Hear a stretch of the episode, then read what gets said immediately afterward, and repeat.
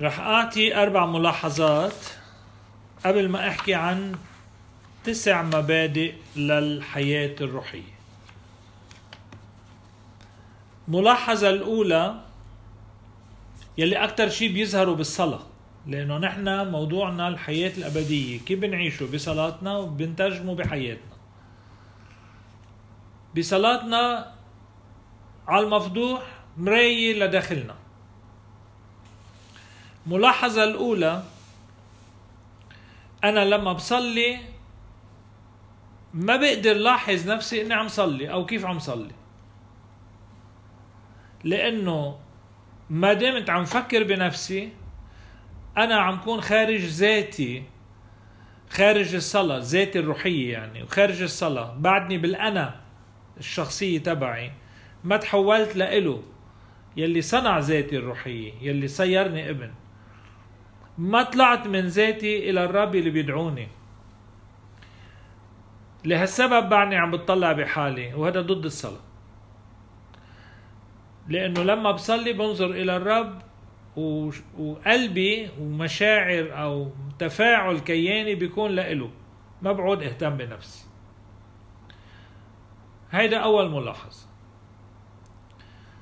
تاني ملاحظة نحن لما بنصلي ما بنصلي إلى الرب كأنه خارج عنا. إنه نحن مطرح وهو مطرح. أو نحن تحت وهو فوق.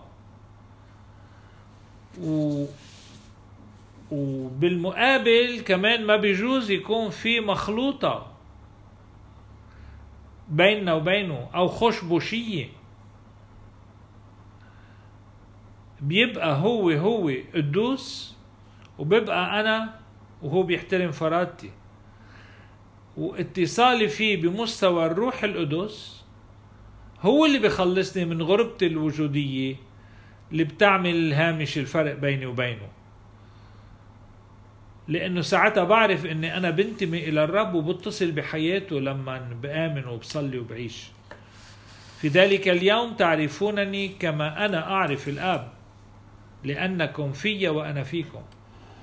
هذا هو الاتصال الأساسي أن تعرف الرب يسوع كما هو يعرف الآب ويحيا في الآب.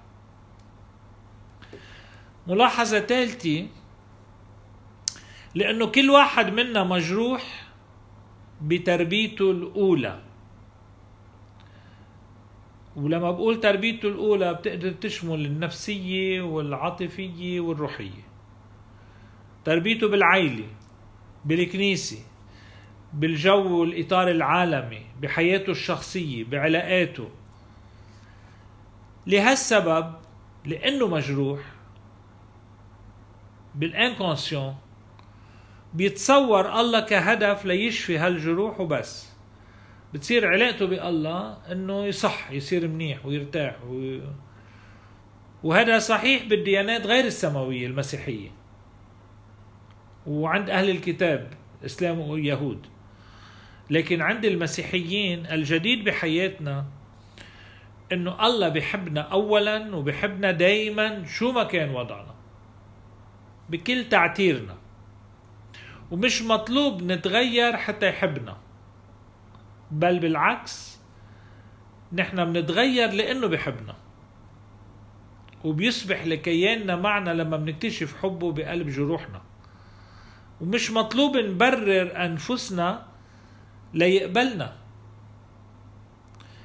بالعكس لأنه بيقبلنا مثل ما نحن بضعفنا بخطايانا بجروحنا بتعسراتنا بسبب قبوله وحبه نحن بنتبرر. نحن مبررين مجانا بنعمته ولا حدا مستحق التبرير.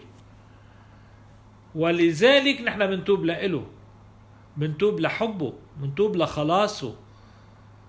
وبنتخلص من عقدة الخوف ومن الخطية بالنظر إلى حبه. وبنتخلص من كبرياء الناموس والشريعة والتقوى الذاتية اللي حطينا حالنا فيها من خلال حياة النعمة اللي زرعها بقلوبنا مجانا.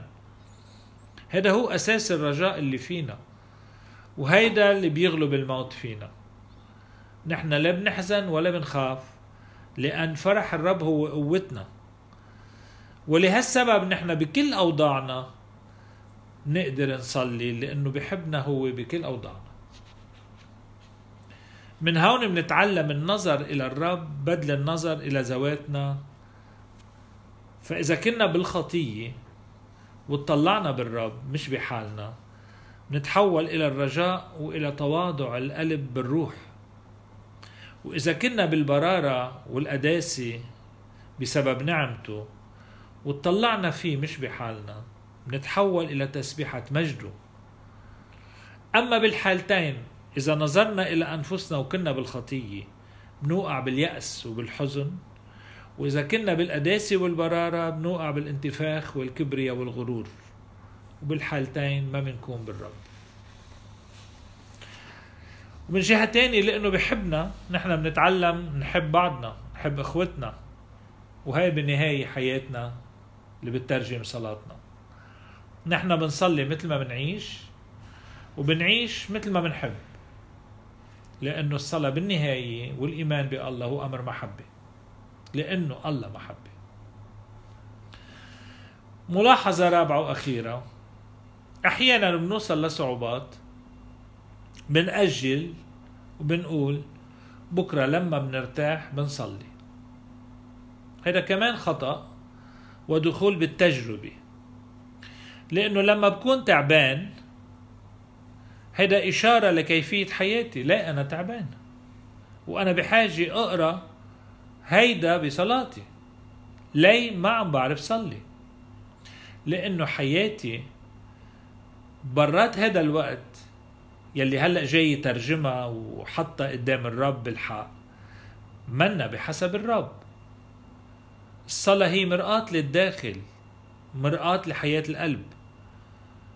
لهالسبب لما بصلي وأنا بهالحالة الروح القدس هو روح الحق. هيدا فرصة ذهبية لألتقى بروح الحق يكشف لي حقيقتي ليتوبني لإله ويشفيني ويحول حياتي لإله.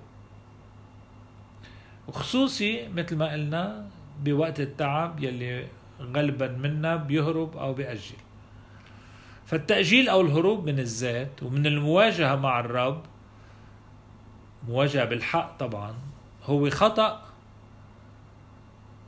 وإذا كنت بعدني عم بنطر إني ارتاح لأدخل بعلاقة مع الرب أو صلي هذا يعني إنه صرت أنا مبدأ حياتي مش الآب وأنا مخلص نفسي مش الرب. وإذا كنت برتاح بدونه وبقدر أرتاح بدونه فهذا بيعني إنه بقدر خلص نفسي بدونه. فالحياة بالنعمة هي لما بصلي برتاح مش لما برتاح بصلي. فلما بصير فقير بالروح إلى محبة الرب ساعتها بصير حر وساعتها بصير قلبي حر وميدان حر لعمل الروح القدس. هاو مبادئ أساسية قبل دخول أو ملاحظات أساسية قبل دخول بمبادئ الحياة مع الرب اللي بتنترجمها بصلاتنا. تسع مبادئ. أما أنت إذا صليت فادخل إلى حجرتك وأغلق بابك. متى؟ ستة ستة.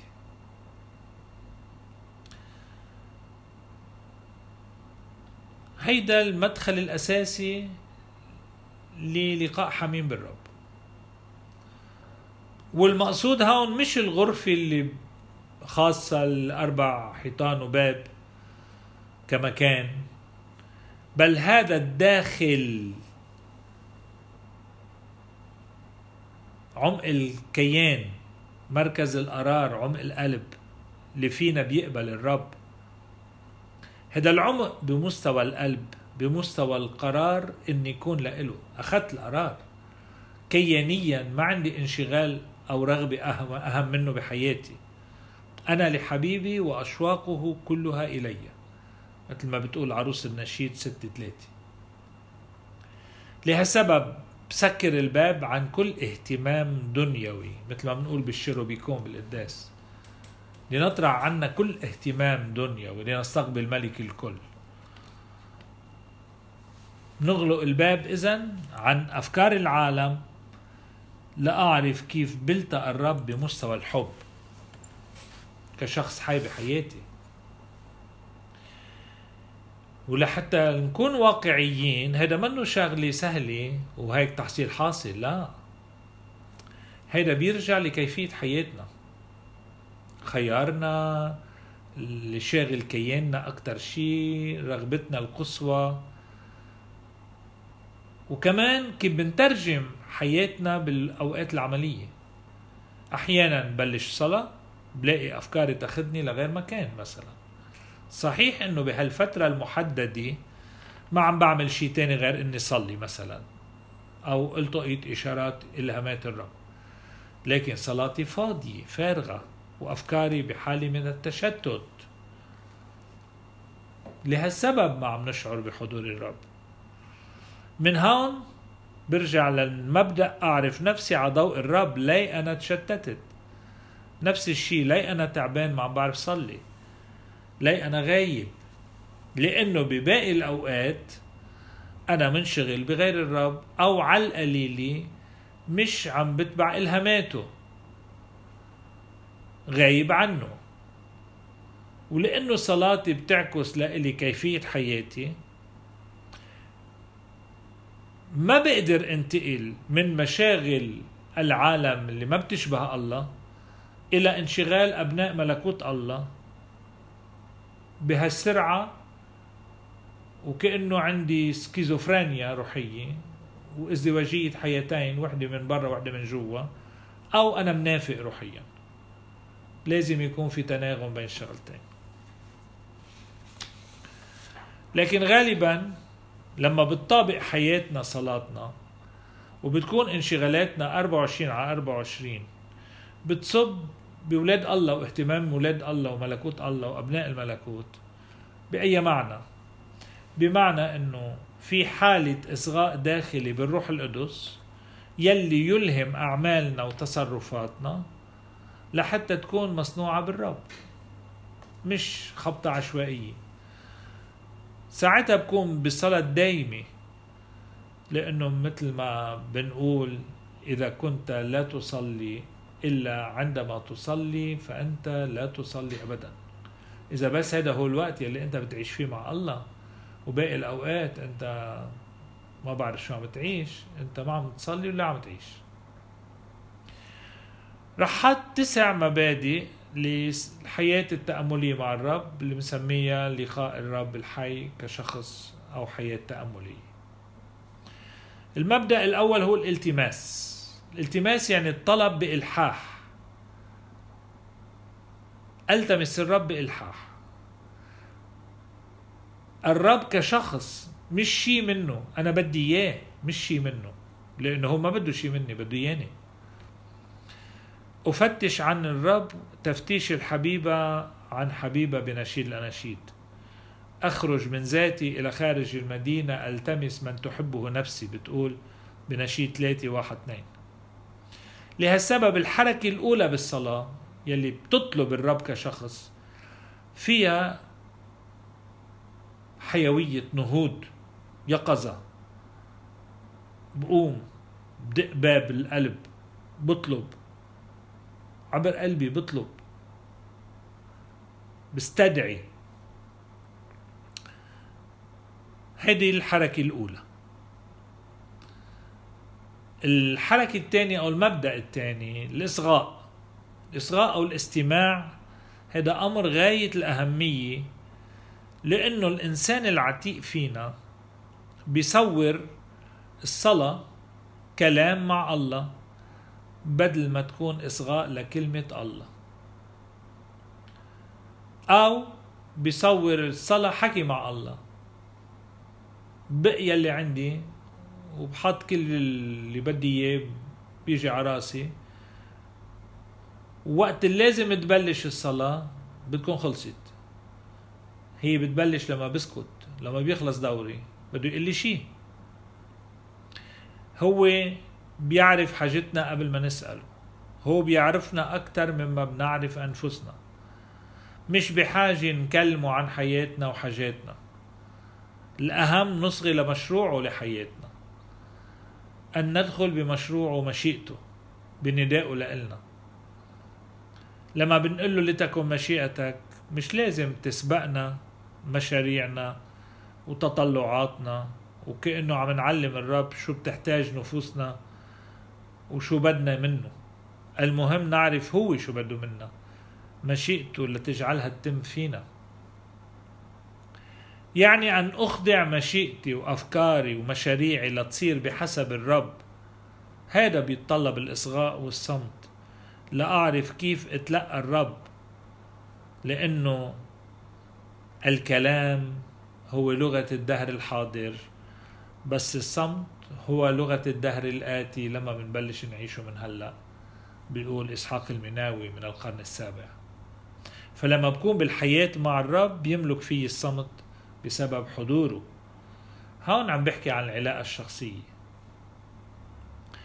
مبدأ الثالث التطهر. تطهر. عمل الروح القدس بس نستدعيه بنقول هلما واسكن فينا وطهرنا. من كل دنس وخلص أيها الصالح نفوسنا. أول عمل للروح إنه يطهرنا ويقدسنا. ونحن لازم نكون مستعدين للجواب على إرادته. ما بيشتغل بدوننا ولا بالنيابة عنا. هالسينرجية بيننا وبين استدعاء عمل الروح بتصي بتصير كل عمل فينا إلهي. لنصير شفافين للبهاء الإلهي لأنه هو بيحترم جوابنا بيحترم حريتنا وإرادتنا. ما بيسيطر علينا ولا بيشتغل ضدنا ولا بيشتغل بالنيابة عنا. هو مجاني وبينطر منا جواب حر ومجاني. مشان هيك سميت المبدأ تطهر. مبدأ الرابع النظر. المسيحي هو نظر القلب عين القلب الذي لا ينام ابدا. متيقظ منفتح مثل ما بيقول الكتاب أيضا بالنشيد. أنا نائم وقلبي مستيقظ. بنشيد خمسة اثنين. النظر. نظر الداخل الاستنارة يعني. النظر الطاهر يبدأ دائما بالشكر. لما بتعامل مع إلهي كإله وقدوس مش بالخشبشية والحلولية و... و... وبتي جيزي و... يعني. التقدم بحياة الصلاة هو تقدم بمقدار تقدم بطهارة القلب. طوبى لأنقياء القلوب فإنهم يعينون الله متى خمسة اثنين. لما بنقول عن أنقياء القلوب ما عم نحكي عن الأطفال. مين قال الأطفال أنقياء القلوب؟ ما عم بحكي عن البراءة. مين قال حدا بريء؟ عم بحكي عن نقاوة القلب تعني الحياة اللي تبررت بنعمته وتقدست بروحه. مش حدا بار ولا حدا بريء. الطهارة بالقلب إذا لا تعني حياة ملائكية أو حياة براءة بل حياة البرارة أو القداسة يلي سببها نعمته ومجانية حبه. وهيدي ما بتناقض الضعف لأنه الاكتشاف الأساسي هو أني بعرف قدرة نعمته وحبه وخلاصه من خلال هذا الضعف.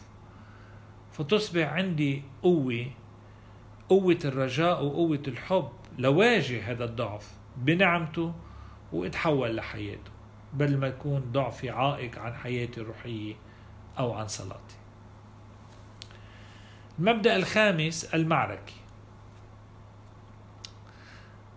الصلاة هي معركة والإيمان كله على بعضه بحياتنا مع ربنا الشخصي هو معركة. وكلنا بنذكر معركة يعقوب مع ملاك الرب بسفر التكوين الفصل 32 23 ل 33 اللي بحب يقرأ كيف صارع ملاك الرب للفجر وما تركه لحتى أخذ منه بركة بالقوة. ما بتركك حتى تباركني قال له. كيف وأخذ البركة بالقوة من ملاك الرب. وسماه ليعقوب إسرائيل. وقال له ليه لأنه إتسرع إيل بالعبراني. بتعني صارع الإله. إتسرع صارع إيل الإله. وهذا بذكرنا بقول الرب إنه ملكوت ملكوت الله يغتصب اغتصابا. هيك عمل يعقوب. ولما بقول إسرائيل يعني هو شخص يعقوب مش شعب. يعني نسل يعقوب صار لقب بالشعب الإسرائيلي أو مثل ما قال يسوع لنتنائيل إسرائيلي لا غش فيه يعني شبهه بإيمان يعقوب ولجاجته إلى البركة والإيمان وطلبه للحياة لأنه نتنائيل كان عم بفتش بالكتب عن علامات الأزمنة للمسيح الآتي. وهو قاعد تحت التينة عم يقرأ الأنبياء. فبهذا المعنى لما بيقول إسرائيلي يعني إيمانه إيمان يعقوب اللي صار على الرب حتى الفجر ومعركته كانت رابحة لأنه أخذ البركة بالقوة كل الليل. مشان هيك معركة الإيمان هي المواظبة. أن أريد الرب بالفعل والحق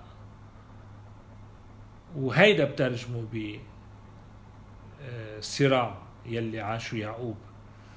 لأنه المعركة غالبا ما بتكون مع الإنسان العتيق فينا يلي بيحاول تأجيل القرار ويرفض الدخول بمغامرة الإيمان والحياة الجديدة ليبقى بالحياة اللي تعود عليها لأنه في مغامرة في استحقاق أو بيتأمل أنه يغير يوما ما ذاته بطرقه الخاصة أو مجهوده الشخصي مشان هيك بضل مكبل بالناموس اللي وضعه لنفسه روحيا بالتقويات بدل ما يتحرر بالنعمة نحن بنتذكر إذا قريتوا معركة يعقوب ليش عملها؟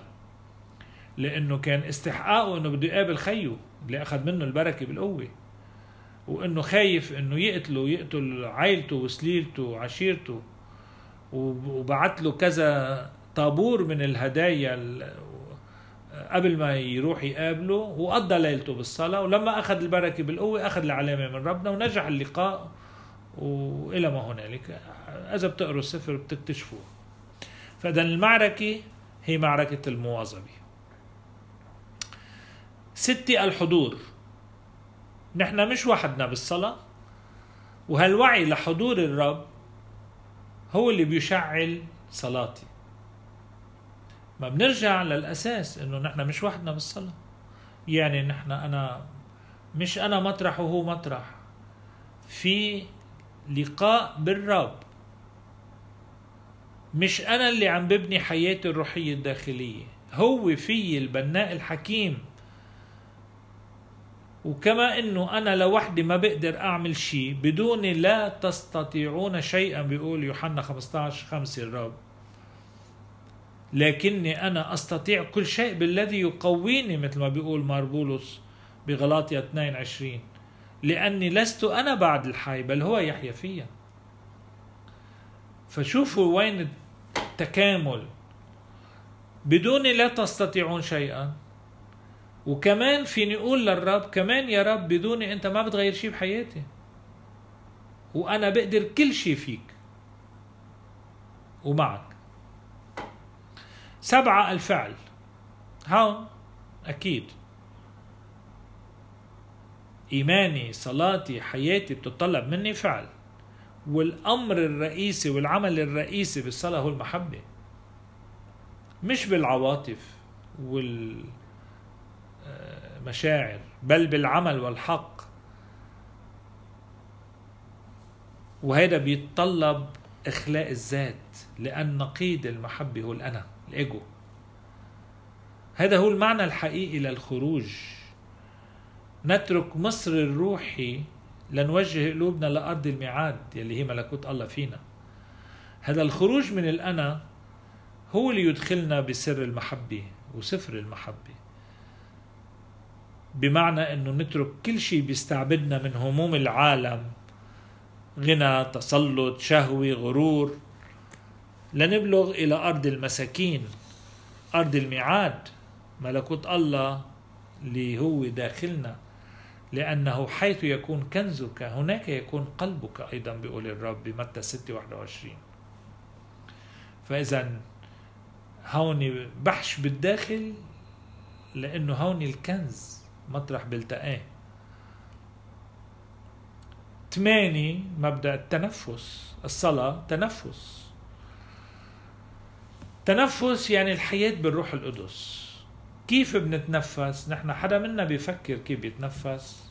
كم شهيق وزفير بال 24 ساعة؟ انت ونايم عم تتنفس. واعي شو عم تعمل؟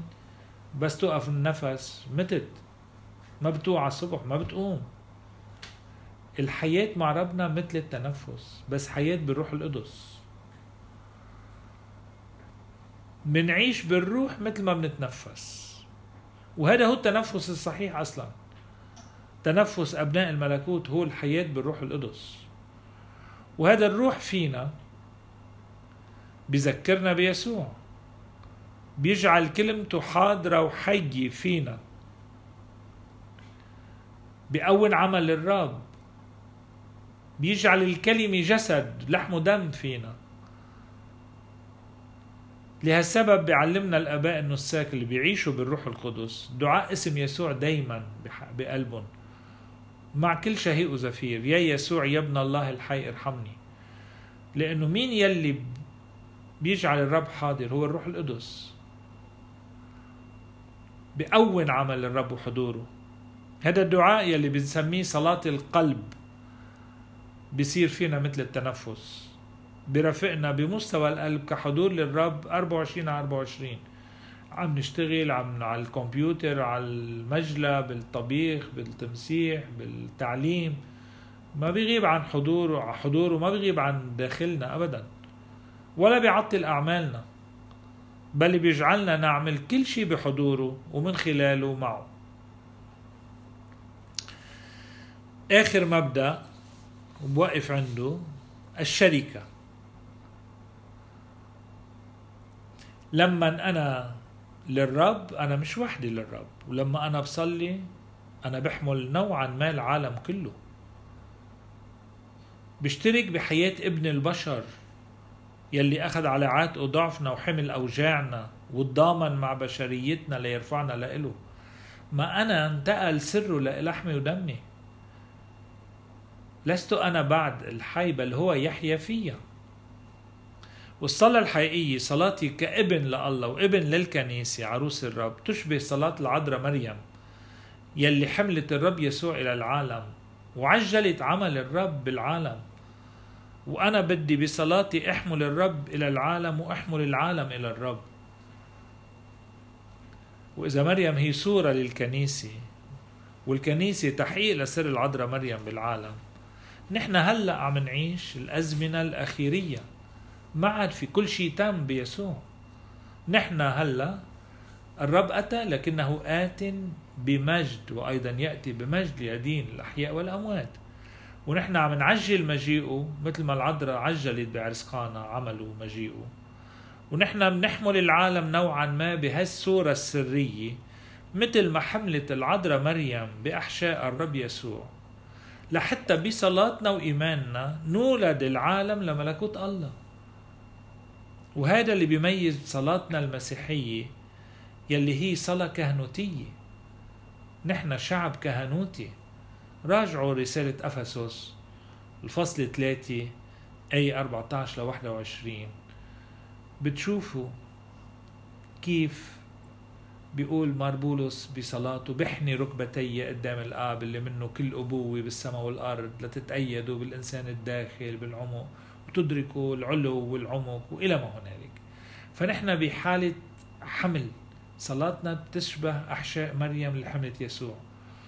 هيدا هو آخر مبدأ سميته الشركة يلي عم نشترك بحياة ابن البشر يسوع ابن الله يلي صار بلحمي ودمي سره وانتقل لإلي حياته. بوقف هون وببعت الحديث لإلكم لحتى يتمخض فيكم كمان أنوار الرب وإلهاماته. واللقاء القادم ببعث لكم فويس بنقي نص من الإنجيل بيتناسب مع الحديث الروحي أو بيكملوا أو بيعجل المشاركات والتفاعلات. فبيكون عم نتفاعل مع الحديث والمبادئ. وانتو إذا بيطابق مع اللي بتعيشوه ولا بيتناقض وإذا في نص بيتقابل لحتى يحرك فينا الحياة. هلأ إذا في سؤالات من حديث اللي عملته أو كلمة صعبة أنا مستعد للجواب.